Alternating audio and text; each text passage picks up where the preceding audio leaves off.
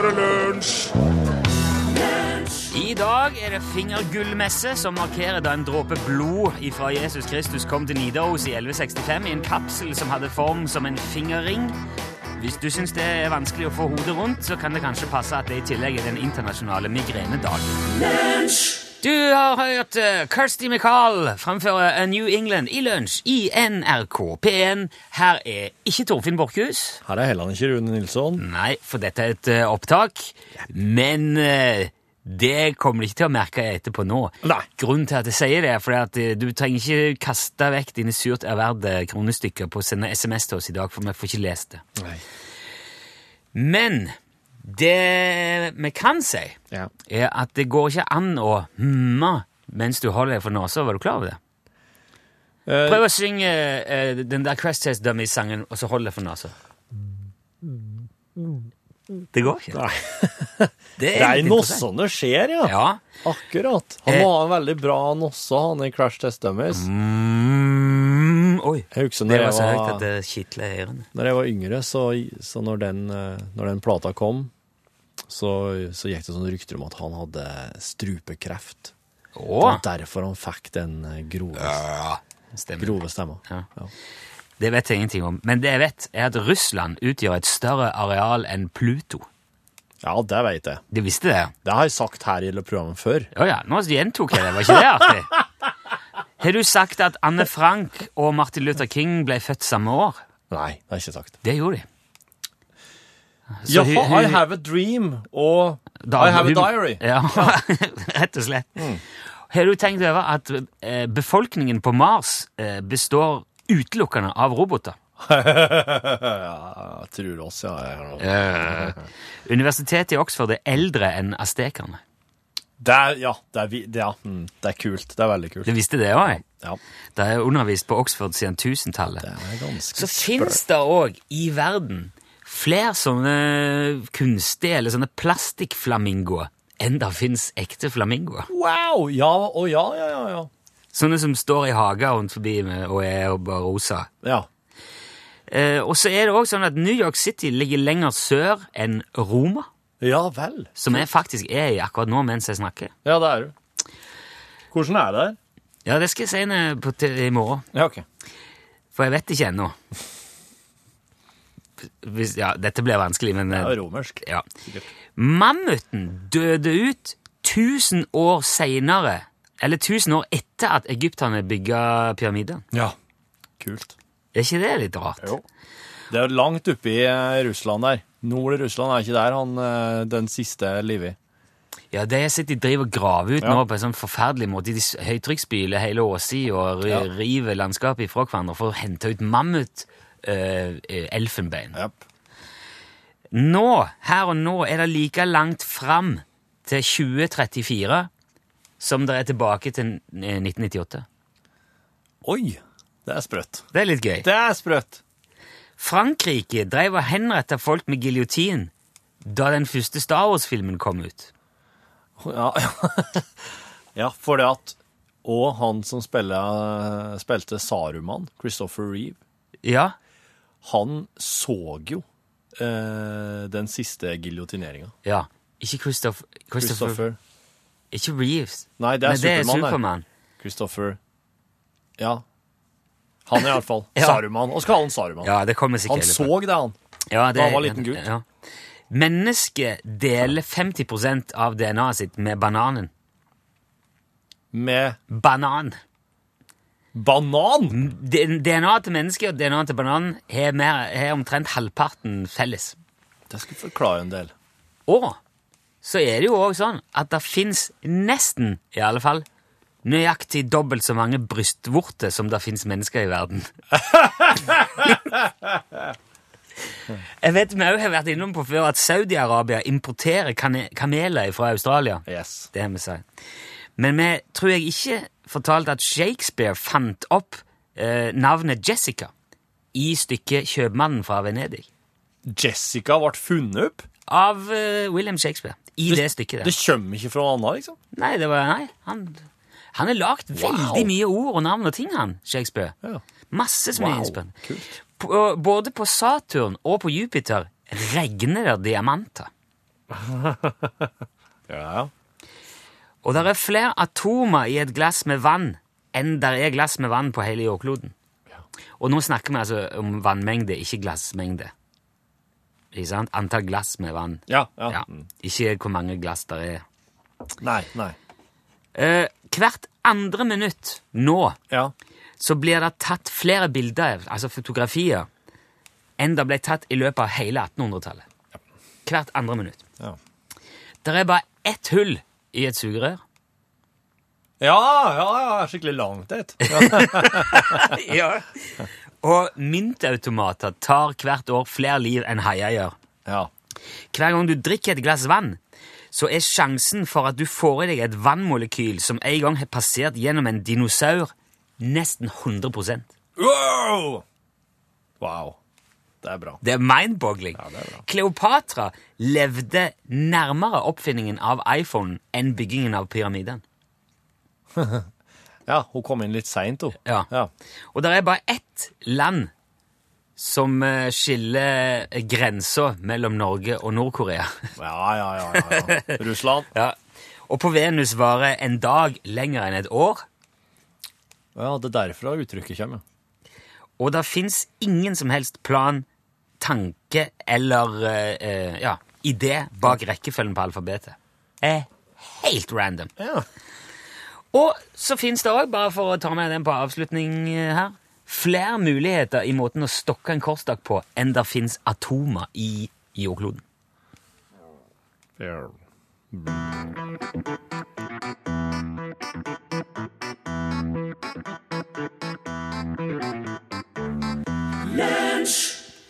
Mighty Oaks fikk du der. Låten heter Brother. Det var skikkelig narkomusikk. Det er engelsk og betyr bror. Det hadde de digga, de eh, som i, eh, på 60-tallet begynte å ta turen fra Europa og over til eh, Asia, til det fjerne Østen. De, til land, til fots, med sekker på ryggen og langt hår og kanskje På lang 60-tallet. Ja. Eh, Beatles eh, tok jo en tur til India i 68. Ja, ja, ja, ja. ja. Å ja, du tenker sånn uh, Ja. hippieaktig Ja, Hippieruta. Ja, hipp... Å ja. Det fanns ei hippierute som gikk liksom tvers igjennom eh, Midtøsten. Det gikk igjennom eh, Syria, Irak, Afghanistan. Det var det, Og Nepal og Tibet og eh, det der. der. Altså, det var ei rute som egentlig Det starta på 50-tallet med litt sånn herre Med eh, mer velstående folk som ville reise og se andre ting. Se, se de tingene som det ble skrevet om i berømt litteratur. Altså Kipling sin Jungelboken, for eksempel. Veldig mye sånn Lawrence of Arabia. Veldig mye slik litteratur som handler om det, de områdene. Ja. Som gjorde at folk med mye penger, og studenter som ble sponsa, tok eh, turen. Det var Back, 50-tallet. backpacking, rett og slett. eh. Ja, det begynte da på 60-tallet. Ja. Da begynte det å bli liksom, skulle jeg si, sånn for hvermannsen. At eh, engelskmenn, amerikanere, franskmenn, australiere tok eh, sekken på ryggen og gikk hippieruta. Og de var eh, vel, og veldig glad i å røyke hasj og marihuana. Ja, ja. Hippie, ja. Det slår meg- ja. Nei, det slo meg bare at den ruta er sikkert ikke så lett å gå i dag. Nei, det er det absolutt ikke. Det er vel stort sett konflikter og uro i hvert eneste av landene. Ja, på et eller annet nivå. på et eller annet nivå, og ikke spesielt tilrådelig. Men ja, samtidig så er det jo nå slik at nå kan du jo ta med deg ungene og backpacke deg gjennom Vietnam, Laos, Kambodsja og Ja. Myanmar, og det hadde ikke gått an på 60-tallet. Nei, det er sant. Så det går jo opp og ned. Ja, det er en slags balanse der, da. Tror du den er konstant? sånn at eh, Neste gang så går det ikke nå, nei, I neste runde så er det Europa du ikke kan reise gjennom. Helt umulig å backpacke gjennom Europa. Ja. Oi, Det var en eh, Det har det òg vært før. Japp, det har Når det. sant skal sies. Ja da. Skremmende tanke. Ja, nå ble det uhyggelig. Ja. Da er det vel egentlig bare har oss noe trivelig musikk på lur, da. Jeg kan spille Colby Calais. Ja! Goldmine. Ja, så Ja. glemmer oss alt det utrivelige her. jo. Ja.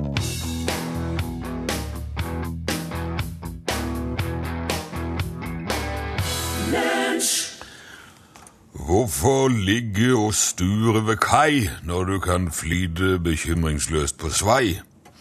Det var slagordet til skipsingeniør eh, Belgert Decibel Hofstad, mannen som i sin tid fant opp ankerdreggen. Decibel Hofstad var i mange år en svært respektert eh, ingeniør og oppfinner, som blant annet høsta mange lovord for sin tverrstaga raklefant til semidampere, og for ikke å snakke om lenseflensen, som har redda utallige liv på havet gjennom årenes løp.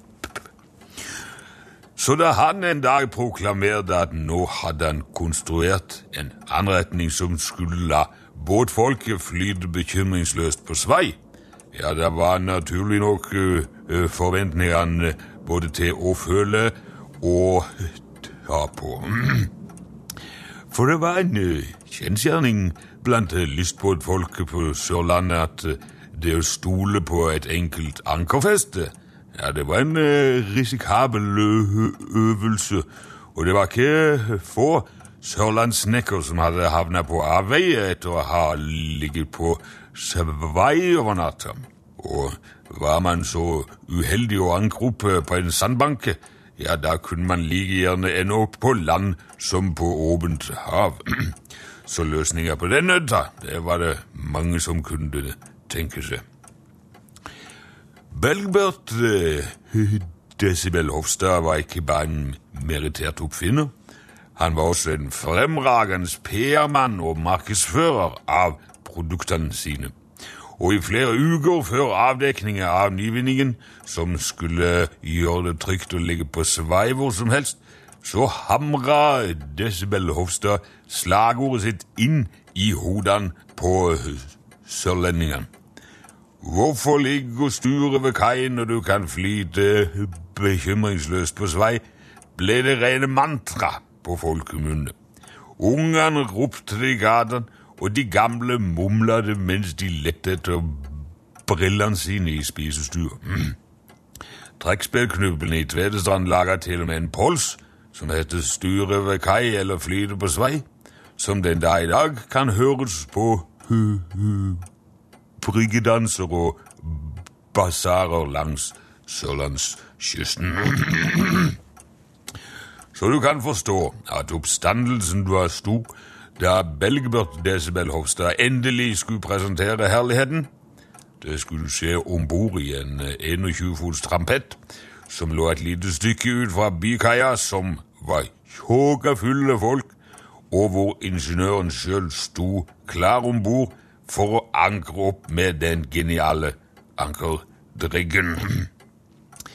Det var i praksis et anker festa til en dregg som skulle forankre ankeret for dobbeltforankring og garantert eh,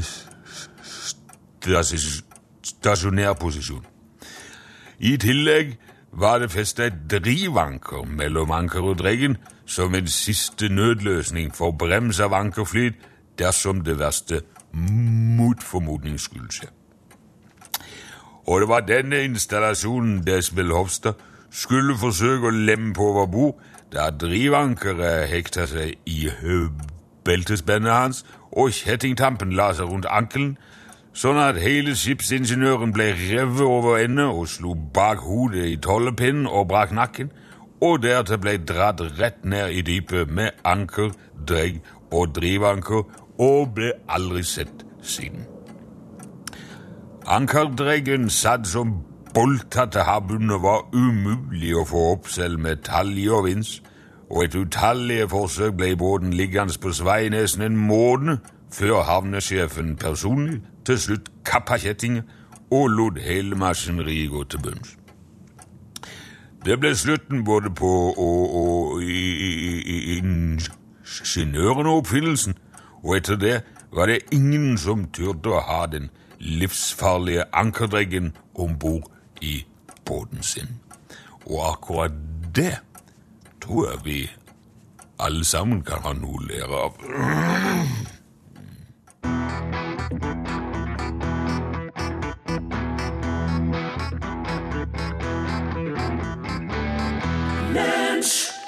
Ja, Tusen takk der til uh, The Beatles. Du uh, hørte at de var her uh, innom og eh, spilte My, Wow My Guitar Gently Whips. Eh, Mine damer og herrer, ta godt imot eh, standup-komiker Torfinn Bakhus! Hallo!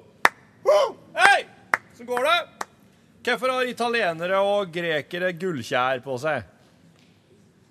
Det er slik at de vet hvor de skal slutte å barbere seg hen. OK. Jeg skrev en sang om en tortilla. Eller, nei, det er vel mer en slags rap. Jeg var ute og kjørte her om dagen, så ble jeg stoppet av politiet. Politibetjenten ba meg identifisere meg. Jeg så meg i speilet og sa Jepp, det er meg. Jeg skjønner godt hvordan batterier har det. Jeg føler meg sjelden inkludert sjøl. Hvor mange hipstere må til for å sette i en lyspære? Nei, Det er et veldig obskurt antall som du sikkert ikke har hørt om. Det fins to typer folk her i verden. Det er dem som fullfører ting, og Jeg starta et band som heter 999 Megabyte, og så jeg ennå ikke fått en gig. Du, Hvis du legger øret innat kneet og lytter, da vil du høre noen som sier 'Hva er det du driver med?' Da må du si bare 'Jeg hører på øret mitt'. Nei, hvorfor har kirkegårder gjerning, egentlig? Nei, for det er folk dauer til å komme inn. um, dyr. Hva er det som sier uh, Nei, unnskyld. Hva er det som sier uh? Ei ku ut av lipper. Jeg var ute og fløy her om dagen. Jeg ba om å bytte sete på flyet fordi naboungen skreik så innmari. Det er visst ikke lov, det, hvis det er ungen din. Takk for meg. Takk for meg. Ha det bra. Dere var fantastisk.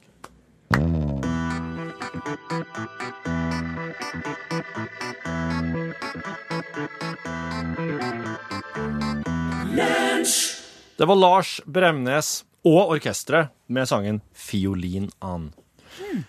Forrige uke så prata vi om konflikter i heimen og hvordan han kunne løse det. Spesielt da i middelalderen. Det gikk veldig hardt for seg. Og eh, ja, jeg syns kanskje ikke det er helt sånn Det er ikke slik vi sier det i dag. Derfor har jeg henta inn samlivsekspert Elsebeth Herringstad Mikkelsen. Ja, Velkommen hit, Elsebeth. tusen takk. Det er veldig hyggelig å være her igjen. Du har jo vært her før. Jeg har det.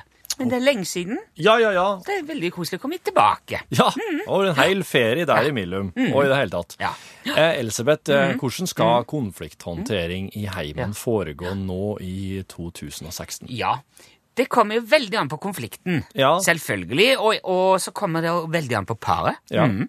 det gjør det. Ja. Noen liker å krangle og rope litt. Ja, mm. De, andre kanskje diskutere seg gjennom det på en uh, litt mer sivilisert måte. Noen slåss og fillene fyker, ja. Det er jo utallige metoder for å komme til enighet om noe. Men alt, er alt like greit, liksom? Det, altså det man må være bevisst på, det er jo målet for problemløsningen. Ja. Ja. En uenighet er, eh, det er en reise gjennom et kupert landskap, Ja. gjerne med trange sko, med en full ryggsekk, og det kan være eh, fryktelig dårlig vær. Ja. Det kan være vått og kaldt og breiflabb overalt. Okay. Og da kan det være vanskelig å holde blikket rettet mot målet for turen, som jo er Knutsen og Ludvigsen. Nei, det er den fjelltoppen der begges egoer møtes over skyene, og solen skinner fra en blå himmel. Ikke sant? Det der det er, Ja, ja. det er jo først på den toppen man ser utsikten, hvor man hører harmonien. Ja. Men det er som sagt mange måter å komme dit på. Det viktigste er at man kommer dit for egen maskin, Ja. vil jeg si. Ja. Mm. Så hvis man setter seg i et helikopter som bare flyr opp til toppen, da går man glipp av alt det som skjer langs veien, og det er jo turene som teller. Ja. Så snarvei det er ingen god metode for varig harmoni. Nei. Man må finne den reisen som skaper din harmoni, din og partnerens harmoni. Ja. Jeg personlig, for å løse konflikter, Ja. anbefaler alltid revkrok. Revkrok? Rett og slett revkrok. Og for de som ikke vet hva det er, man ligger jo på ryggen, Ja. på gulvet, hofte mot hofte, og så løfter man en fot og forsøker å hekte partnerens fot og rive over, rett og slett, ikke sant? Det er som en lek. Men vil Mhm. ikke det føre til at den, den sterkeste i føtten vinner? Å, det, ja, det er altså veldig mye teknikk. Og litt tilfeldigheter. Og det er jo slik livet er. Teknikk og tilfeldigheter. Ja. Det er det vi eh, okay. får der. Ja, du hengte litt der, Ja. Eh, man stiller seg man, Og det er jo en reise i seg selv. Det, revknoken også, vil jeg si. Man ligger hjelpeløs på gulvet, på et vis. Man stiller seg sårbar overfor den andre. Vi- er på like fot. Eller på like rygg. Ja. Ikke sant? Ja. Mm. Og det er i denne sårbare hjelpeløsheten uh, at begge uh, bare har én vei ut av mørket. Det er å få hektet den knehasen, komme seg rundt og, og ja, altså få gjennomslag for sitt syn, Ja. for sine argumenter, for sin krok. Ok. Og når en da får hektet den andres fot, da er det helt avgjørende at man respekterer revkrokens myndighet. Ja. Absolutt eh, avgjørende krav. Da kan man ikke stille spørsmålet ved krokens makt etterpå. Nei. Nei, man må bøye seg for revkrokens dom og, og, og sette seg på sine kombinerte egos fjelltopp sammen og nyte utsikten uten nag, uten bitterhet. Det er veldig, veldig viktig. Ja. Det kan være vanskelig for noen, men det er helt nødvendig for at konflikten skal bli liggende igjen der nede på gulvet, sammen med skrubbsårene og taperens eh, selvbilde. ja. Således er det like viktig at vinneren av revkroken må være storsinnet Ja. og raus i sin seier, og se på den som et fartøy der han eller hun er kaptein eller styrmann, men der partneren er passasjeren på første klasse, som skal fraktes og betjenes under reisen. Og kunden har jo alltid rett, som vi vet. Ikke sant? Så hvis kapteinen hoverer over sin seier, så vil jo passasjeren klage til ledelsen i rederiet. Da blir kapteinen degradert til matros, kanskje lett matros, eller noe, noe som ikke er så bra. Da vil det snu opp ned på hele dynamikken, og revkrokens eh, eh, effekt forsvinner. Så respekten for revkroken minst like viktig som selve kroken. Slik kan man enkelt løse enhver konflikt i et parforhold, med mindre, selvsagt, ja, konflikten bunner i utroskap eller økonomi. Da For da man, kan du ikke bruke Nei. røvkrok. det går ikke. Da må man oppsøke en ekspert. Som jeg, for eksempel. Ja. så, Så ja, da, da går en til en samlivsekspert. Det og gjør man. I, i, I dialog. For eksempel Med- Høyestad eh, Mikkelsen Rådgivning AS. Ja. Står på gule side. ja. OK, så røvkrok kan hjelpe mot det meste, men ikke utroskap eller økonomiske Nei. krangler. Tusen takk, Elisabeth Herringstad Mikkelsen. I like måte. Um, her skal oss, nå skal vi få høre Amanda Marshall med Let It Rain. Mm, ja. Mm.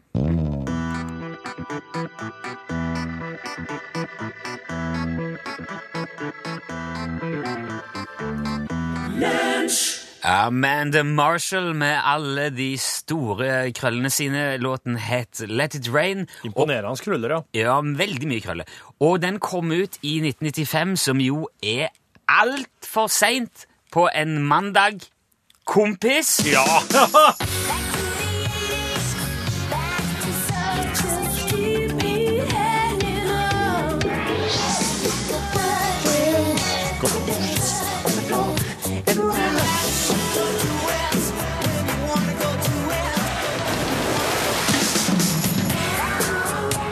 Ja, klippet sammen på høyde med det beste miksesammensatte i utlandet, vil jeg si. I all beskjedenhet, vi skal tilbake i tid til 80-tallet, selvfølgelig. Vi skal til Julian Lennon, faktisk, i dag.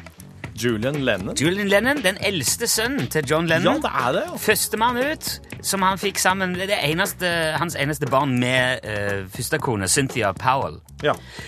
Han eh, Julian Lennon der, det var han som uh, tegnte Lucy in the Sky with Diamonds. Ja, det var det, ja! Ja, så han har inspirert til den låten. Han, eh, pappa sier OK, du er tegner. Ja, det er jo Lucy i himmelen med diamanter, selvfølgelig. Ja. Ja, se, ja nå ser jeg det, sa Yes. John, og så skrev han en sang.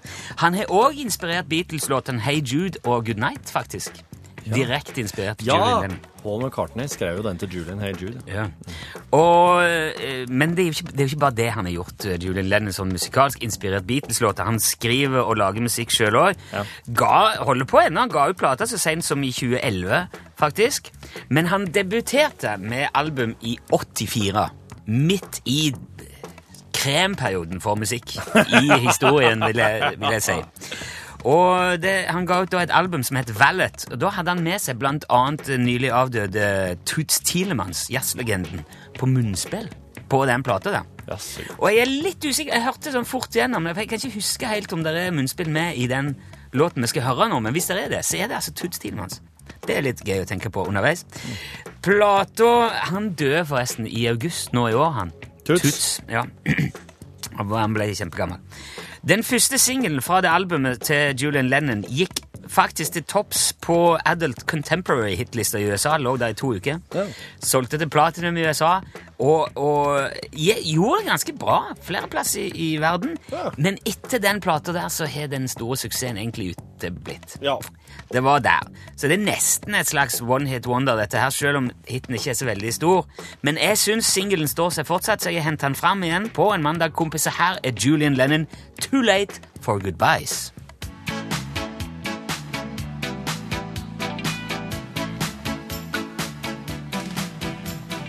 Julian Lennon, altså. Uh, Too Late for Goodbyes. Jeg mener å huske og at den var med i en film uh, på 80-tallet en gang som uh, lurer på om den het enten War Games, Jaha. eller så var det en film som handla om en robot som uh, sleit seg og var, holdt på med noe greier. Jeg tror Matthew Broderick var med, i hvert fall. Du, den War Games, Matthew Broderick, det var jo en veldig tidlig sånn eh, atomdata, altså Ja, datamaskiner, hackere, utløsa noen raketter og atomangrep og Jeg tror det var Pentagon, rett og slett. eller noe sånt.